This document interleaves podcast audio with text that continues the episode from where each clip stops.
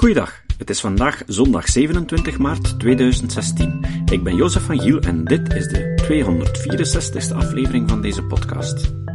Een tijdje geleden had ik een discussie met vrienden over het feit dat prestatieafhankelijke verloning, zoals bonussen, hun doel voorbij schieten en zelfs averechts kunnen werken. Ik argumenteerde dat er heel veel studies zijn die aantonen dat variabele verloning averechts werkt. Ik ga hier in een later aflevering nog op terugkomen, maar vandaag wil ik jullie rapporteren over het vervolg van deze discussie. Na enig heen en weer geargumenteer, wist mijn gesprekspartner niet meer wat in te brengen, zodat hij me uiteindelijk verweet van communist te zijn. Een stromen. Blijkbaar had hij niet begrepen dat ik geen enkel probleem heb met loonsverschillen die kunnen afhangen van allerlei factoren, zoals verantwoordelijkheidsniveau, marktvraag van expertise, competentie en andere factoren. Die bijeenkomsten zijn altijd erg hevig en met veel discussies, maar we zien elkaar nog altijd graag en verlangen steeds om elkaar terug te zien. Dat doen we dan ook jaarlijks. Maar ik bleef na deze bijeenkomst achter met het ongemakkelijke gevoel dat hij mijn standpunt verkeerd had begrepen en niet wilde luisteren naar mijn argumentatie. Gelukkig is het punt zo actueel in de research dat je bijna elke maand wel ergens een artikel tegenkomt dat opnieuw mijn stelling bevestigt. Een maand later is dat ook gebeurd. En ik kon het toen niet nalaten hem een mail te sturen waarin een link naar het artikel zat met als titel Is General Electric dan ook communistisch? Wat volgde was een interessant gesprek dat ik met jullie wil delen. Ik heb de naam van mijn vriend veranderd en er ook voor gezorgd dat je niet kan weten in welk bedrijf hij werkt. Ik kan je wel vertellen dat het een groot bedrijf is en dat hij een C-niveau functie heeft. Sterkte gerelateerde praktijken. Dag Fred. Opnieuw een artikel in de Standaard over de onzin van beoordelingsgesprekken en prestatieafhankelijke verloning. Ook Microsoft, Accenture en zelfs General Electric zijn ermee gestopt. Zijn zij dan ook communistisch zoals ik? Met vriendelijke groeten, Jozef. De link in de mail verwees naar een artikel in de Standaard van 5 december 2015 van de hand van Eva Bergmans met als titel Eindscore van de evaluatie onvoldoende. Ze begint met Peter Scholtes te citeren. Gooi al uw medewerkers in de machinerie van de jaarlijkse evaluatie, performance management gesprekken in het HRE's. En wat komt eruit? Verliezers, cynici en een hoop hager afval. Ze noemt een race bedrijven op die er ondertussen mee gestopt zijn. Ze verwijst naar meerdere studies die aantonen dat het niet effectief is. Ook Koen de Wetting, professor bedrijfspsychologie bij Vlering, zegt Die score is niets minder dan magie. Een heel jaar, bloed, zweet en tranen, wordt abracadabra één cijfer. Het artikel haalt vele argumenten aan dat jaarlijkse evaluaties niet effectief zijn, niet efficiënt, niet accuraat en dat ze niet aanzetten tot de juiste attitude. Bovendien zijn deze evaluaties met daaraan gekoppelde financiële gevolgen slecht voor de collegialiteit in de teams. Wat later kreeg ik antwoord. Jozef, bedankt hiervoor. Ikzelf ben trouwens Strengthfinder van Gallup bij ons Europees aan het uitrollen. Ik moet donderdag resultaten presenteren. Ik vind dat nog altijd een van de beste tools. Met vriendelijke groeten, Fred. Dit gaf een nieuwe wending aan het gesprek. Blijkbaar wou Fred me laten zien dat hij geen groentje is in de Hager-wereld en probeerde hij mij gunstig te stemmen door erop te wijzen dat hij serieus bezig is met Hager en hierbij te wijzen op een project van hem waarin hij echt goede producten gebruikt. Ik had nog nooit gehoord van dit product en daarom was mijn reactie niet zo verrassend. Dag Fred. En? Is het wetenschappelijk onderbouwd? Met vriendelijke groeten, Jozef. Ook hier kwam snel antwoord op. Uiteraard. Ik zou het anders niet presenteren, nietwaar? Met vriendelijke groeten, Fred. Dat leek me een erg kort antwoord, dat niet de diepgang had van iemand van wie ik verwachtte dat hij zijn job professioneel aanpakt. Dus antwoordde ik hem. Dag Fred. Wat mij eigenlijk interesseert zijn de wetenschappelijke artikelen die bijdroegen tot de ontwikkeling van het model. Want het zou niet de eerste keer zijn. Heb je die? Zo ja? Ik zou die graag zien. Als dat inderdaad goed onderbouwd is, wil ik dat ook bij ons promoten. Met vriendelijke groeten, Jozef. Nu kreeg ik snel antwoord. Jozef, ik zou eens naar de website www.gallupstrengthscenter.com gaan. Daarop staan alle links naar de research. Laat me eens weten wat je ervan vindt. Met vriendelijke groeten, Fred. Het was me ondertussen duidelijk geworden dat Fred zijn huiswerk niet gemaakt had, maar zich gewoon had laten ompraten door enkele handige marketeers. Dat vond ik hoogst opmerkelijk, te meer omdat Fred zelf een tijd in de marketing gewerkt heeft. Ik ga er dus van uit dat hij ook het onderzoek van Robert Cialdini kent, maar eerlijk gezegd, ik heb het hem wel nooit gevraagd. Blijkbaar was hij ook niet geïnteresseerd in de wetenschappelijke onderbouwing van het model.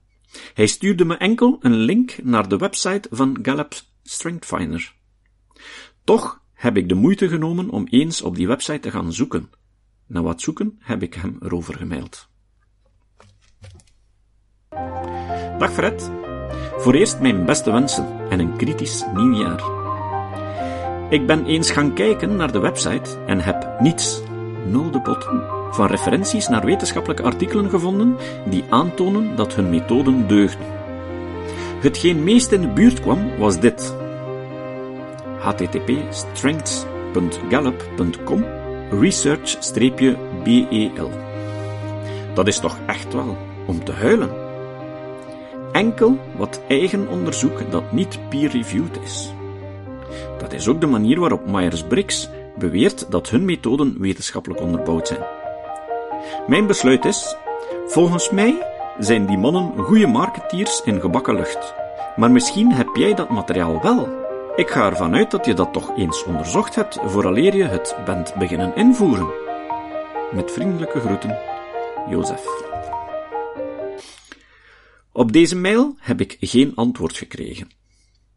Ik heb het dan ook maar zo gelaten. De regelmatige luisteraars van deze podcast weten ondertussen dat Hajar-psychologie een beetje een hobby van mij geworden is. Daarom ben ik geabonneerd op verschillende nieuwsbrieven over het onderwerp, waaronder de blog van Kurt Visser, van wie ik eerder al eens een tekst insprak. En toevallig, op 4 januari 2016 schreef Visser een artikel op zijn blog met als titel De op sterkte gebaseerde aanpak kan averechts werken. De blog verwijst op zijn beurt naar een artikel van Thomas Camorro Premuzic op Harvard Business Review. Dus heb ik dan natuurlijk Fred opnieuw gemeld. Dag Fred. Toevallig ging het vandaag op een blog waarop ik geabonneerd ben over StrengthsFinder. Ze verwijzen ook naar een artikel in Harvard Business Review. Ik heb de link erin gehangen. Het artikel bevestigt grotendeels mijn vrees. Het is echt belangrijk om dat soort zaken na te gaan, want meer dan 90% van de Hajar-programma's zijn onzin. Met vriendelijke groeten, Jozef. Het artikel in Harvard Business Review had als titel Strengths-based coaching can actually weaken you. Of Op sterkte gebaseerde aanpak kan je uiteindelijk verzwakken. Het gaat niet enkel over StrengthsFinder van Gallup, maar volgens de auteur is er momenteel een echte hype in modellen die verkocht worden met als doel om de sterke punten van medewerkers te vinden. Blijkbaar zijn de modellen, gebaseerd op de hersenspinsels van Carl Gustav Jung, zoals MBTI en Insights, nu passé. En komen er allerlei modellen op de markt die de werkgever beloven uit te vissen wat de sterkten van hun medewerkers zijn. Blijkbaar is deze hype één grote geldmachine, want ondertussen zouden er al meer dan 1,5 miljoen werknemers door het model gescreend zijn. Verder vertelt het artikel dat er helemaal geen wetenschappelijke basis is voor deze praktijken. De goeroes van deze praktijken beweren dat traditionele trainingsprogramma's, die zich niet op sterkten baseren, ineffectief zijn, terwijl het wetenschappelijk onderzoek net tegengestelde zegt. Maar de problemen van sterkte gebaseerde praktijken is dat ze werknemers een vals gevoel van competentie geven. Bovendien worden jouw eigen sterkten ten opzichte van elkaar afgewogen in plaats van tegenover een normgroep.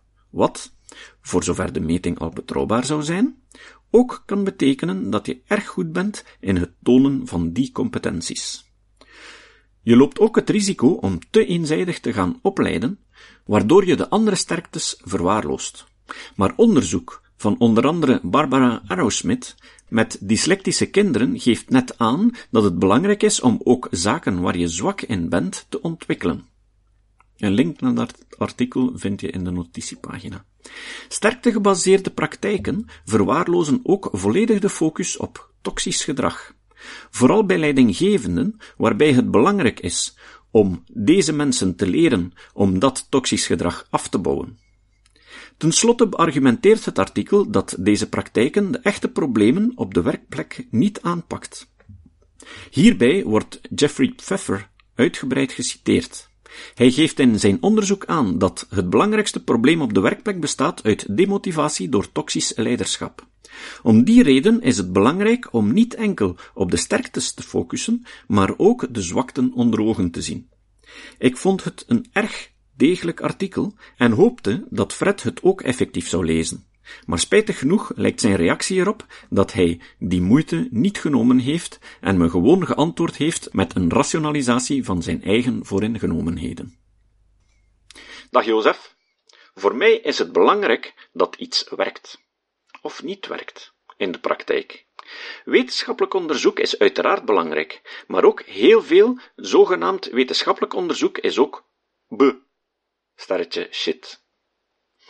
Ik wil de wetenschappers die elkaar tegenspreken met hun onderzoek geen eten geven.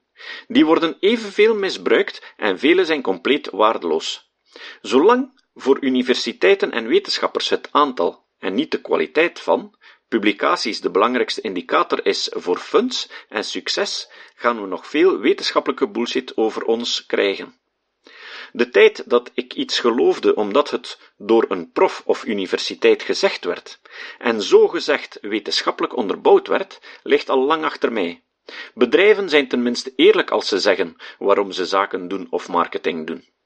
Having said this, dit gaat over menselijk gedrag, dus geen exacte wetenschap. En het werkt voor mij en voor veel anderen. Dus dat is voldoende voor mij. Met vriendelijke groeten, Fred. Ik heb enkele dagen later toch nog geantwoord. Dag Fred. Dat is het klassieke antwoord, maar ik ben niet verrast. Zoek eens het woord cognitieve dissonantie op. Maar psychologie is een veel exactere wetenschap dan veel mensen denken. Je zou je er echt eens in moeten verdiepen. Voor 2010 dacht ik er net zoals jij over, en toen heb ik me er beroepshalve in moeten verdiepen. Ik heb toen echt mijn mening moeten herzien. Er bestaat een indrukwekkende basis van zeer goed onderbouwde materie in de psychologie. Je weet trouwens helemaal niet of StrengthsFinder werkt. Eigen ervaring is een zeer onbetrouwbare bron in dergelijke materie. Dat is de reden waarom RCT, Randomized Controlled Trials, uitgevonden zijn. Die eigen ervaring is trouwens precies de reden waarom zoveel mensen geloven dat bijvoorbeeld homeopathie werkt. Heb je het HBR-artikel gelezen? Groetjes, Jozef. Hier is de conversatie gestopt. Een beetje later was er weer een artikel dat tegen variabele verloning ingaat. Het onderwerp waarmee onze discussie startte. Deze keer in Harvard Business Review. Ik heb het nog eens opgestuurd. Dag Dries en Fred. In de context van onze altijd interessante novembergesprekken vind je hieronder een link naar een sterk artikel in Harvard Business Review over verloning en motivatie. Het resumeert krachtig ongeveer de belangrijkste argumenten die ik ook al enkele jaren probeer door te geven. Het legt bondig maar duidelijk uit waarom Pay for Performance geen goed idee is. En niets te maken heeft met communistische sympathieën. Veel leesgenot. Het refereert ook nog eens naar enkele bekende onderzoeken, maar ook naar verschillende onderzoeken die ik nog niet kende. Met vriendelijke groeten.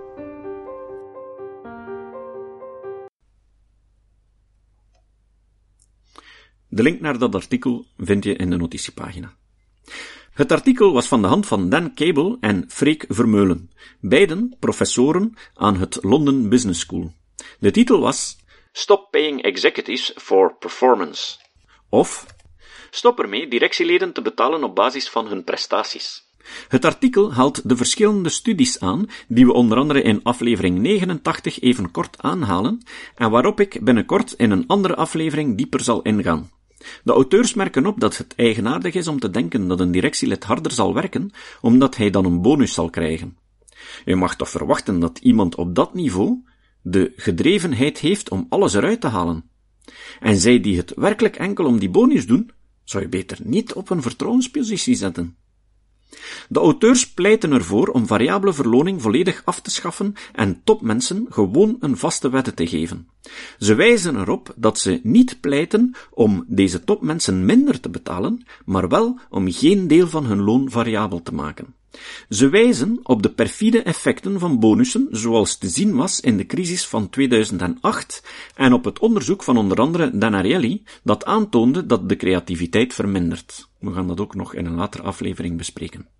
Ten slotte wijzen ze erop dat de prestatiemetingen die op deze manier gebeuren altijd onvolledig zijn en leiden tot gefixeerd gedrag op het optimaliseren van deze meting eerder dan een focus op het welzijn van de organisatie. Het citaat. Het citaat van vandaag komt van Daniel Kahneman. Kahneman zei over het algemeen zijn we te zelfzeker over onze opinies, onze indrukken en onze oordelen. Tot de volgende keer. Deze podcast is het resultaat van het werk van veel mensen. Rick de Laat verbetert bijna al mijn teksten en maakt de meeste vertalingen. Emiel Dingemans verzorgt onze website en Facebookpagina. Ook Leon Korteweg en Stefan Sutens schrijven, vertalen of verbeteren soms artikelen. Leon onderhoudt bovendien het YouTube-kanaal van deze podcast. De muziek van de intro en de trailer heeft Nick Lucassen geschreven, en soms maken we ook gebruik van muziek van Ad van Nederpelt, die ons zijn prachtige composities ter beschikking stelt. Dit was de podcast Kritisch Denken. Vergeet niet om alles kritisch te behandelen, ook deze podcast. Voor verdere informatie over deze podcast, links en voor de tekst, surf naar www.kritischdenken.info. Als je deze podcast belangrijk vindt, kun je me steunen door anderen warm te maken ook eens te luisteren. Stuur een e-mail naar vrienden met een link naar de website en plaats de link in de handtekening van je e-mails. Tevens kun je op iTunes deze podcast een beoordeling geven of een recensie schrijven. Of je kan op je eigen website of blog een link naar kritisch denken plaatsen.